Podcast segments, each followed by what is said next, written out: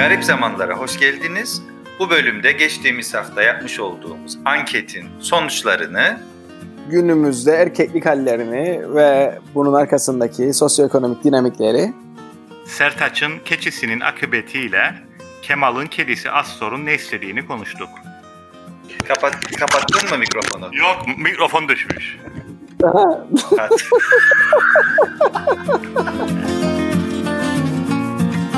Garip Zamanların 14. bölümüne hoş geldiniz. Geçtiğimiz hafta içerisinde dinleyicilerimize yönelik bir anket yaptık. Tabi sorabilirsiniz biz bu anketi nerede yaptık diye. Garip Zamanların Facebook üzerinden bir sayfası var. Oradan bizi de takip edebilirsiniz. Anketlerimize e, veya yaptığımız yorumlara, paylaşımlara oradan e, katılabilirsiniz. E, Biz tabii çeşitli seçenekler sunduk dinleyicilerimize ve dedik ki hani siz kendi seçeneklerinizi de ekleyebilirsiniz. Soru şuydu. Bizden hangi konuları daha çok dinlemek istersiniz? Bu yapılan ankete göre ki epeyce de bir katılım olmuş arkadaşlar. Dinleyicilerimiz bizden daha ziyade edebiyat, sinema ve ilginç bir şekilde spiritüellik konularına değinmemizi istiyor. Bunları müzik ve felsefe takip ediyor. Beni e, birazcık olsun gülümseten bir diğer konu ise aşk, meşk ve cinsellik gibi konulara e, çok az e, oy çıkmış olması. Bilmiyorum belki anonim yapsaydık hani bu mahalle baskısı toplumsal baskı mı yoksa gerçekten hani insanlar tercih mi etmedi bilemiyorum. Bastırıldı mı başka sonuçlar çıkar mıydı? Ama e, podcast e, dinleyicilerimizin e, bizden beklentileri bu şekilde. Yani ben e, bu sonuçlara çok şaşırmadım aslında. E, sadece e, daha önce de konuşmuştuk. E, belki anonim yapsaydık aşkla ilgili meseleler e, daha üst sıraya da e, çıkabilirdi diye düşünüyorum. E, benim için tek e, şaşırtıcı konu buydu. E, ama tabii e, bu şey de değil yani bu bahsettiğimiz alanların hepsi de birbiriyle ilintili. Gerek filmler olsun, kitaplar ya da e, Sertaç'ın okuduğu makaleler olsun. Bunların hepsi zaten e, içerisinde aşkı da, televizyonu da, hatta spiritüelliği de barındırıyor.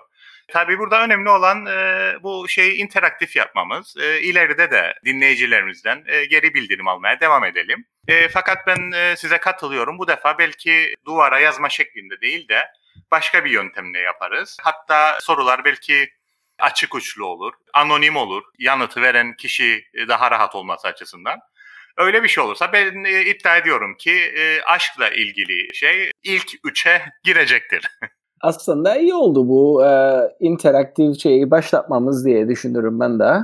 Çünkü hatırlayacaksınız ilk başladığımızda neydi bizim diğer e, şey CCMC'deydik e, o zaman o platformda. Canlı yapardık programları ve interaktif olurdu. Yani e, Evet. biz konuşurken reaksiyonlar gelirdi Facebook Evet. üstünden falan. O da motive edici değil mi Ee? Evet evet evet ben onu çok Ve tabii sevdim. dil sürçmelerini de düzeltme şansımız olmazdı. Böyle komik kazılar da başımıza e, gelmezdi değil yani canlı yayında. Evet, da- Özellikle Evet, ben- ben- sevgili benim- benim- dostumuz Sertaç'ın dil sürçmelerine karşı bir e, aslında burada. İlginç bir üçlü oluşuyoruz. Tam da e, ke- e, oluşumu var e, Kemal'ın e, bahsettiği anlamda. Çünkü benim dilim so- çok sürçer. E, Sertaç da dil sürçmelerine çok güler. Dolayısıyla normalde bizim aynı programda olmamamız gerekir. Ama yani e, Kemal'ı nötr bir bölgeye koyacak olursak maalesef belli bir saatten sonra o da Sertaç'a katılır. E, dolayısıyla e, çok mağduriyet yaşamışlığım var benim bu e, dil sürçmelerinden dolayı. Belki bir programı Ama da dil sürçmelerle ayırırız. E, Evren aslında bu podcast kültürünün bu avantajı da o yani edit edebilirsin, canlı yapmıyorsun. Bu podcast demişken itiraf da etmek gerekiyor. Yani ben podcast dinlerdim eskiden ama son dönemlerde bu işe girdikten sonra daha çok dinlemeye başladım. Bilmiyorum sizin için de geçerli mi? Dinliyor musunuz? Kesinlikle kesinlikle. Ben de, Ben yani ben de çok e, haber dinlemeye falan da başladım böyle. Hatta çok hoş bulduğum programlar var. Ve dikkat ettiğim benim e, şey yani biz yarım saatte tutmaya çalışırız. Hatta sanırım yorumlardan bir tanesi de oydu yani. Neden mesela işte Ke- Kemal aniden bitirdi son programı falan deniyor. Ona dikkat ederek Ki aslında. genelde ben değilim ama birkaç defa Sertaç'a denk geldi. Ama o, o bana çok şey geldi. Yani e, biraz daha dikkat etmeye başladım. Bir program var benim dinlediğim. e, 18 dakika mesela. Haftada bir yapıyorlar. 18 dakikada bitiriyorlar. O bana çok şey geldi. Yani öyle bir defada yutabileceğin gibi e, bir şey. Dolayısıyla yani o kısa olması bana en cezbedici gelen o. Kısa olması ve istediğin zaman dinleme opsiyonunun olması e, çok çekici geldi bana. Evet. Bite size geliyor. Bite size yaşa. Sizinle hem fikrim aslında. Kemal'ın dediği de doğru. Şöyle ki yani bizim de aslında yarım saat çok uzun bir süre değil podcast için. Benim e, daha uzun süreli takip ettiğim e, podcastlar var. E, ama e, şu dediği Kemal'ın yani daha önceki platformda biz e, canlı yapıyorduk ve herhangi bir dil suçmesini ya da bir hatayı gidermek mümkün değildi. Bu dezavantajıydı. Avantajı ise e, Sertaç'ın da dediği gibi anında geri bildirim alıyorduk. O geri bildirimde hem programın daha sonrasını e, şekillenmesi açısından hem de bizim motivasyonumuz açısından e, önemliydi. Şimdi o geri bildirimden e, mahrumuz. Ama tabii bu anketlerle o açığı kapayabiliriz. Fakat e, avantajı e, işte bu kazaları, ve e, şeyleri, dil sürüşmelerini düzeltiyoruz. Mesela 3 program önce ben işte çok da şey alan konulardan biri sinemadan bahsederken bilim kurgu dizileri ve bilim kurgu filmleri e, diyecekken işte bilim kurgu dizileri ve film kurgu film kurgu dizileri dedim e, bilim kurgu diyeceğime. Mesela bunu bizim dinleyiciler dinlemedi çünkü bizim editörümüz Kemal'dır. Kemal da iyi iş çıkarır e, bu konuda. Hem orayı kesti hem de iyi o, iyi bağlandığı için e, kesildiği de ortaya e, çıkmadı. Dolayısıyla e, bu avantajı var şeyin podcast'ın. Ben e, şeyleri de takip ediyorum işte bu görüntülü podcast'ları da e, takip ediyorum. E, yani e, hem e, Spotify'dan podcastlar dinliyorum hem de YouTube'dan e, görüntülü podcastları takip ediyorum. Bir e, program var son benim şey yaptığım, dinlediğim ve görüntülü olduğu için aynı zamanda izlediğimde. E, ona değinebiliriz. Tabii bu şeyle de biraz alakalı. E, bahsetmiştik geçen hafta neden programın ismi e, şey Astor ne istiyor değil de garip zamanlar. Hatta e, sanırım Astor ne ister ya en fazla dinlenen birinci ya da e, ikinci program. E, birinci oldu Evren. Birinci mi oldu? Heh, Kemal düzelsin diyecektim. Birinci evet. olmuş. Bu e, Kemal'ın kedisinin e, şansıdır. Tabii e, ondan sonra bu şeyle bizim sorduğumuz soruya geri bildirim verenlerin bazıları da şey dedi. Tamam biz size söyleyelim dinlemek istediğiniz konular ama siz de bize e, Astor'un ne istediğini söyleyin. Tabii ona da e, kısa bir yanıt verelim. E, biliyorsunuz bu aslında şeyden esinlenme. Freud'un ünlü sorusu var. Kadın ne ister? İşte bu kadar yıldır e, insan psikolojisine şey yaptım, girdim, e, araştırdım ama e, anlayamadığım tek bir şey var. Kadın ne ister? Ünlü sorusu. Oradan biraz es- esinlenmiştik. Dolayısıyla biz de Astor'un ne istediğini çözemedik aslında. Dolayısıyla Astor'un ne istediğini bilmiyoruz. Evren ben bununla ilgili e, Freud örnek verdin de ne zaman da hatırlamıyorum böyle daralamalı tüfek gibi e, Freud'u daralayan bir yazı okumuştum bir kadın tarafından. Ne demek kadınlar ne ister sanki kadınlar metadır işte olur mu insan da yani niye ayırırsınız işte insan ne isterse kadından ne ister falan filan diyerekten böyle sağlam daraladıydı yani Freud'u. Süper. Yani emin ol yani burada hayatta olsaydı sokağa çıkamayacak hale gelmişti. Süper. Yani. Çok güzel çünkü beni din, e, dinlediğim podcast da bununla ilgili ama çok kısa bir ekleme yapayım. Ben şimdi şeyi e, savunmuş gibi olmayayım ama genelde e, şöyle bir... E, Tehlikeli sularda yüzüyorsun. E, evet. Ol. Ön yargı var ya işte işte psikanaliz çok erkek merkezlidir. İşte bir fallus merkezli olması nedeniyle bir de işte orada penis kıskançlığı, envy nasıl çevirebiliriz? Bir, Kıskançlık. Kıs, bir kelime daha. Neyse. E, dolayısıyla bu iki sebepten Özenti. dolayı... Haset. E, haseti yaşa. Tamam anladığım kelime oydu. Aynen penis haseti. Şimdi bir fallus merkezli olması bir de penis hasetinden dolayı genelde ataerkil işte erke, erkek e, merkezli olarak e, şey yapılır ama hani e, şöyle de bir şey var paradoksal olarak. Tam da buradan hareketle çıkmasına rağmen geldiği nokta aslında farklı bir e, feminist okumasıdır. Kadınların bir bu tam da bu sebepten dolayı erkeklere göre daha özne olduğu sonucuna varır. Dolayısıyla aslında psikanaliz kadını e, o bağlamda e, erkeğin üstünde tutar. E, yani sonuçta erkek de kadın da e, eksiktir. Ama erkek o fallusa sahip olduğunu düşünür. Tabii fallus burada fiziksel bir organ değil. E, onun e, şeyidir, imgesel iz düşümüdür. Kadın öyle bir şey olmadığının farkında olduğu için aslında daha öznedir erkek e, olmadığı bir şey olduğunu düşünür. E, ama şimdi şeye dönelim. Podcast'a fazla girmeyelim. bu. Beynim e, yanıyordu. ben bu sulara fazla Abi bu arada fazla, yani fazla bu, bu kısımları edit etmeyeceğim arkadaşlar. Çok orijinal. Şimdiden söylüyorum size. Yani haset kelimesini Fallus'la bir araya getirdiğin zaman ben tabii gayri ihtiyarız düşündüm. Haset ne yani? Gerçekten o mu karşılığı Türkçe karşılığı? E, yani penis yani envi, e, e, penis kıskançlığı olarak da geçer literatürde. yani, Ama daha yaygın olarak Yani özelden attım ben Sertaç'a. Yazdım yani mavi penis. boncuk mu asalım diye ama. Yani benim aradığım şey kelime aslında Sertaç'ın söylediği kelimeydi hasetti. Daha yaygın bir şekilde Türkçe literatürde penis haseti olarak geçer. E, ama e, şey dediğim gibi e, varılan sonuç aslında çok da erkek merkezli bir sonuç değil. Tam tersine kadınların daha özne olduğu sonucuna e, varılıyor. Dolayısıyla ben şey e, suçlamasını e, çok uygun bir suçlama olarak bulmuyorum. Şimdi şeye dönelim. Takip ettiğim podcast'ta. Şimdi orada bir kadın var. Feministlerin ve e, sol görüşlü insanların beğendiği genç bir akademisyen e, Nina Paver diye. E, bizim Kıbrıs'ta da onu çok takip eden var. Bildiğim kadarıyla Türkiye'de de o kadını çok takip eden var. Bu kadın da konuşmacılardan biri. E, üç erkekle birlikte. Çünkü e, şeyin konusu, podcast'ın konusu erkek olmak, erkeklik. Şimdi uzunca bir süredir e, kadın olmak, e, kadınlık gibi konular konuşulurken bu defa çok da fazla yakın zamanda konuşulmayan bir şey ele almışlar e, erkekliği ve tabii şey de güzel bir kadının orada olması. Çünkü işte derler ya siz erkekler bir araya geldiniz siz ne diye kadın veya kadın olmayı konuşursunuz denilir. Burada da işte aynı şey ol, olabilirdi olmadı. Bir de kadın vardı orada. E, ve e, bu arada öğrendim ki bu kadın bir kitap yazıyor. Kitabın ismi de Erkek Ne İster. Hoşuma gitti. E, şey, Freud'a yanıt veriyor. E, ama yani ben çok samimi buldum programı. Şu bağlamda çok samimi buldum. Yani şey diyor, toksit erkeklik diye bir şey var.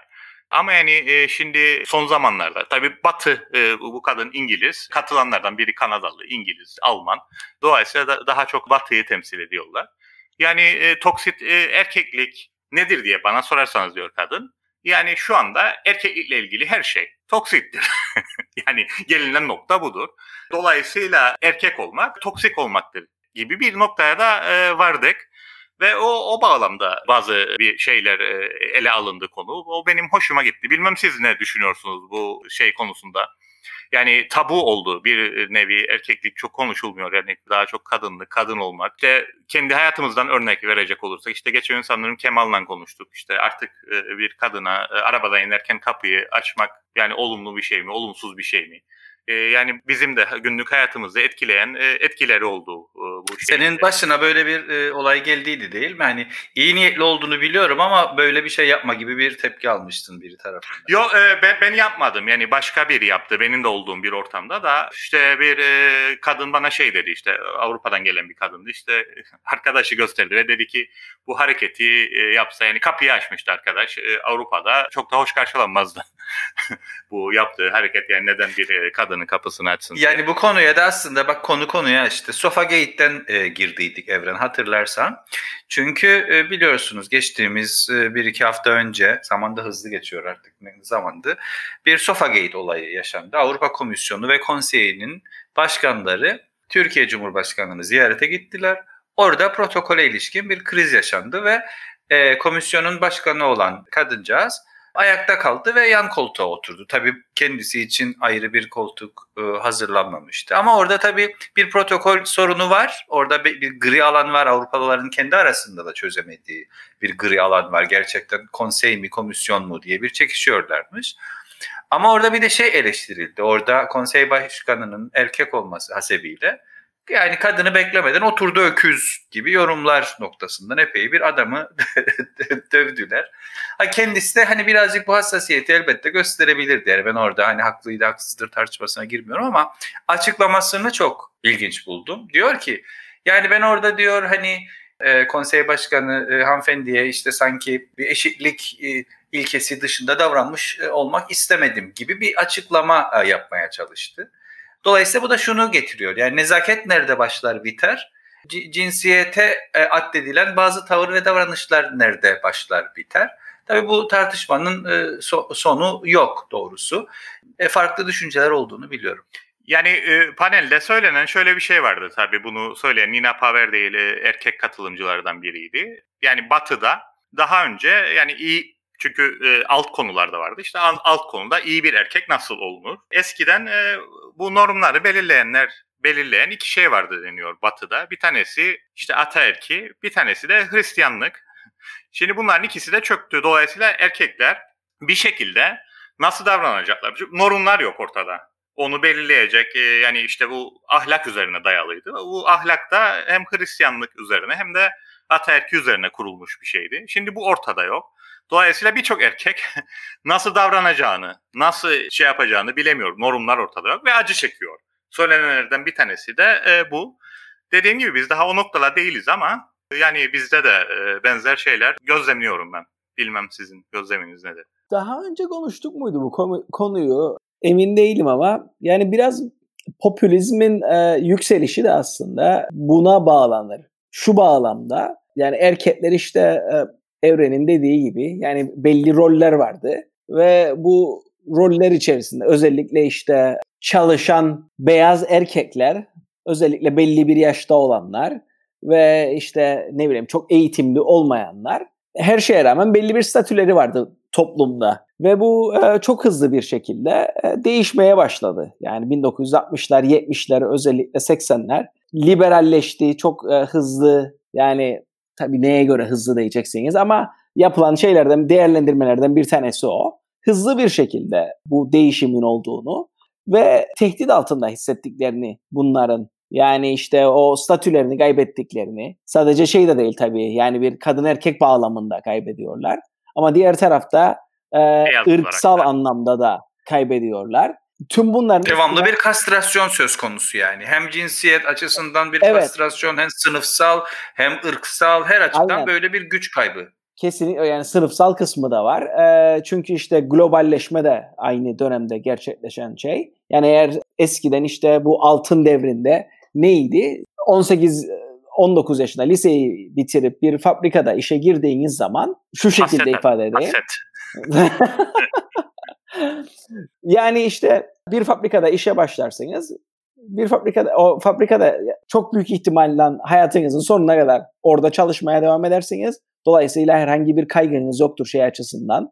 Ee, gelecek kaygısı, yani iş kaybetme işte, kaygısı. Gelecek kaygısı aynen o yok. E, yeterince para kazanırsınız, bir araba alabilirsiniz, ev alabilirsiniz ve işte standart Amerika'daki e, söylemiyle e, çocuğunuzu koleje gönderebilirsiniz ya da üniversiteye gönderebilirsiniz. Ve bu şekilde de bir e, lineer bir şekilde aslında şey var, büyüme var. Özellikle 50'lerde, 60'larda, 70'lerde gördüğümüz bir çizgi var. O kırıldı tabii bir noktadan sonra bu küreselleşmeyle. Yani siz sürekli olarak bir iş kaygısı çekiyorsunuz. Çünkü e, çok büyük ihtimalle sizin işiniz eğer şeydeyseydi, imalat sanayindeyseydi ya Doğu Avrupa'ya ya da işte e, Uzak Doğu'ya kaydı. Dolayısıyla yani bununla beraber herkes dediğiniz gibi Kemal'ın ifade ettiği gibi kastrasyon var ya işte bir şekilde o bütün güçleriniz e, elinizden gidiyor. Ve buna tepki olarak da işte popülizmin bir ayağı da bu aslında. Yani işte Trump'a kim oy veriyor? Beyaz, orta sınıf, Aynen. yaşlı, az eğitimli erkekler. Doğru hatırlıyorsun Sertaç. Bu bağlamda konuşmuştuk. Yani 5-6 program önce Amerika'daki işte e, seçimlerin arifesinde kimlerin Donald Trump'a oy verdiği bağlamında tam da bu konuyu konuşmuştuk. E, katılıyorum sana da e, komik bir anekdot anlatayım bununla da bağlantılı. Tabii e, Kemal'a da katılıyorum tabii. Sadece e, tabii erkekler kendini kastre hissediyor. Dediğiniz gibi ırksal boyutu da var, sınıfsal boyutu da var. Bir e, zamanlar bir film gösterimi yapmaya karar verdik. Yani film gösterimi dediğim yani bizim seçeceğimiz dört tane film gösterilecekti. E, Sertaç'la benim. Tabii bu sadece bize özel bir şey değildi. Belli başlı kişileri belirlemişler. E, isim vermeyelim. Bir işte e, kültür şeyi, kurumu dedi ki ben seçiyorum 7-8 kişi ve bu 7-8 kişi gelsin. Dört tane film seçsin biz gösterelim burada üzerine konuşalım falan. Ben de dedim e, kabul ederim ama işte Sertaç'la birlikte yapacak, yaparsak falan. Tamam dedi Sertaç da işte oturduk filmleri müzakere edelim. Bu arada Sertaç o aralar ders vermeye Slovakya'ya gider. E, nasıl denk geldiyse gösterimleri yapacağımız zamanda Sertaç yurt dışında katıldı ama Sertaç yurt dışında olmasına rağmen filmleri müzakere ediyoruz. Hangi filmleri göstereceği, göstermeyeceği falan. Bir tane e, film vardı orada. E, çok güldük. Sonra e, neyse ki Çağın buradaydı. Bana yardımcı oldu. Çünkü e, yani o gösterimi yapan kurumun da çok altyapısı sağlam olmadığı için teknik bağlamda bir kişinin işte DVD player'i takması gerekir falan. İşte bizim e, en azından bu teknik konularda e, Çağan'ın çok yardımı oldu. Beni yalnız bırakmadı sağ olsun. Seçtiğimiz filmlerden bir tanesi tam da o Sertaç'ın anlattığı konuyla ilgiliydi. Ama Sertaç'ın bir türlü bu filmi bugün oldu. Hala daha birlikte izleyemedik ve devamlı Sertaç Çağın ben bir araya geldiğimizde konuşuruz. Bu Up in the Air'da George Clooney şeyi oynar. Evet. E, profesyonel insanları işten çıkaran bir adamı. Yani bu adamın işi hizmet alımı alıyor büyük firmalar. Küçülmeye giden, bugün hep İngilizceden gidiyoruz, downsizing yapan e, firmalar ve bu eleman Amerika'nın farklı, o yüzden filmin ismi Up in the Air devamlı farklı yerlere e, uçuyor ve şey diyor işte daima küçük bir valiziniz olsun yeter. Ve gidip insanlara yüz yüze oturup diyor ki işte size bu kadar zamandır çalıştığınız için çok teşekkür ederim falan. Ve bu şeye bağlanıyor aslında sizin ikinizin de bahsettiği konuya işte şey diyorlar yani bu e, bu dönemi de post for this dönem olarak tanımlıyorlar. E, eskiden Sertaç'ın dediği gibi insanlar bir işe girerdi ve o işte ömür boyu, ömür boyu değilse bile işte 2-3 iş değiştirerek emekli ayrılırdı. E, bu dönemde ise insanlar devamlı bir şekilde berdevam olarak iş değiştiriyor. Ama eğer iş değiştirmese bile, aynı firmada çalışmaya devam etse bile departman değiştiriyor. Dolayısıyla devamlı bir e, şey durumu var, mobilite durumu var. Senet'in e, ilginç bir yazısı var bu konuyla ilgili. Der ki yani ilginç bir şekilde işte gelecek kaygısı. Çünkü e, ne olacağını bilmiyorum. Seneye hala daha bu işte çalışacak mıyım bunu bilemiyorum. Bu e, gelecek kaygısından dolayı insanlar kaygı duymakta ve e, bu gelecek kaygısını ortadan kaldırabilecek bir kurum arıyorlar. O da evlilik kurumu. yani evliliğin çünkü özelliği daha stabil olması en azından e, teoride öyle. Fakat paradoksal olarak evlilikler de sırf bu sebepten dolayı e, yolunda gitmemeye başlamış. Bu tür e, özellikle tabii Batı Avrupa ve Amer- özellikle de Amerika çünkü Avrupa'da hala daha sosyal devlet daha güçlü. E, Amerika'da yani insanlar devamlı iş değiştiriyor, e, şehir değiştiriyor ve bunu bununla da birlikte bir evlilik sürdürmeye çalışıyor. E, evlilikleri de sürmüyor ama evliliğe de ihtiyaç duyuyor. Çünkü hayatı o kadar bir kaotik ki, o kadar bir e, şey ki, düzensiz ki, e, belirsiz ki e, evliliğe ihtiyaç duyuyor ama evliliği de sürdüremiyor. Bu kastrasyon konusuyla ilgili konuşurken biraz e, önce değindiğimiz bir konuyla ilgili aslında. Yine bir tartışma ortamında okumuştum sosyal medyada. Biri şey yazmıştı. Yani aslında diyor hem kadınlar hem erkekler acı çekiyor. Kadınlar gerçekten acı çekiyor çünkü ayrımcılık var. E, şiddetin, aile şiddetinin birincil uğrayan kadınlar e, ve hani toplumda gerçekten daha çok e, bunun kavgasını veren, iş yaşamında da daha çok uğraşmak zorunda olan kadınlar.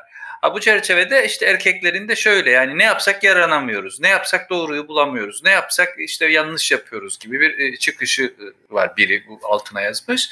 E, tekrar altına yeni bir yorum yazılmış. Yani siz nasıl olur da kendi acılarınızı tırnak içinde yazmış bunu. Bizim gerçek hayatta yaşadığımız acılarla bir tutarsınız diye bir biri çıkışmış. En sonun altına bir başka yorum daha.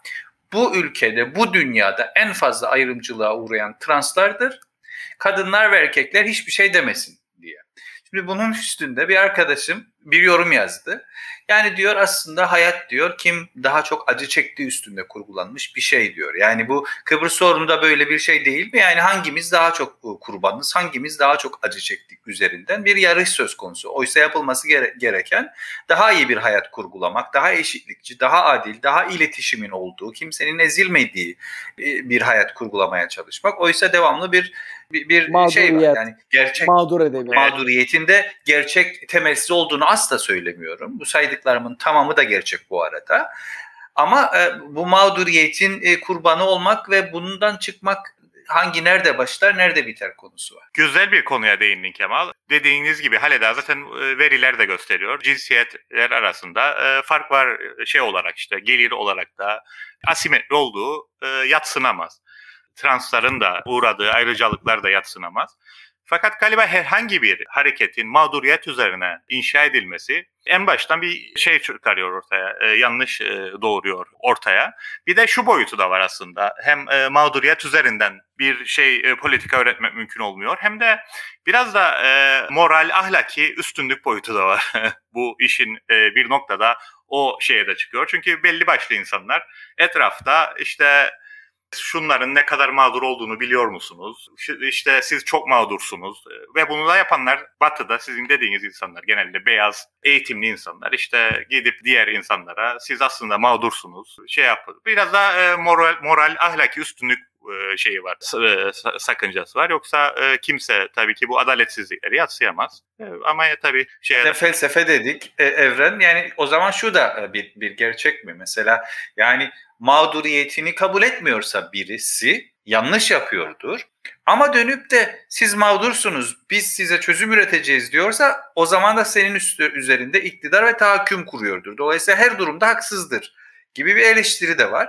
Tabii yani bu şey, yani çok adilane değil tabii genelleme yapmayız ama yani böyle bir, bir tartışmayı da hatırlıyorum. Bir şey anladılar ya bir anekdot var benim hoşuma gider aslında güzel özetler. Ee, bir e, yerde bir Afrika ülkesinin e, neden gelişemediği tartışılır. Beyazlar da var. bir tane e, oradaki konuşmacı Afrikalı söz almış ve demiş ki yani bu bizim e, yaptığımız hatalardan bir tanesi de yolsuzluğa bir türlü e, çare bulamamamız falan. E, o beyaz konuşmacıların bir tanesi atılmış demiş yok yok yok demiş. E, en büyük temel sorun burada demiş işte kolonyalizmdir. Biz batı her şeyi biz yaptık falan.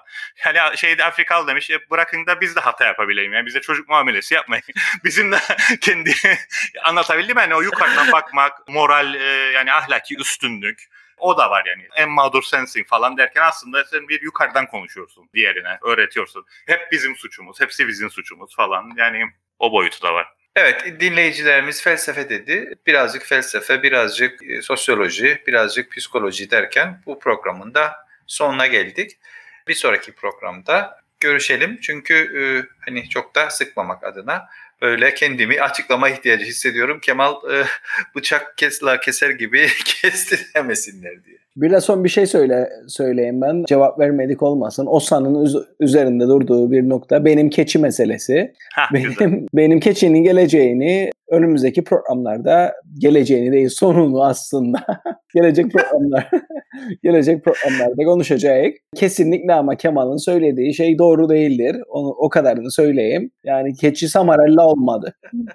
Öyleyse iki gizemi, iki gizemin yanıtını ileriki programlarda buluyoruz. Bir tanesi e, Sertaç'ın keçisine ne oldu? Keçi ne oldu? de as, keçi ne oldu?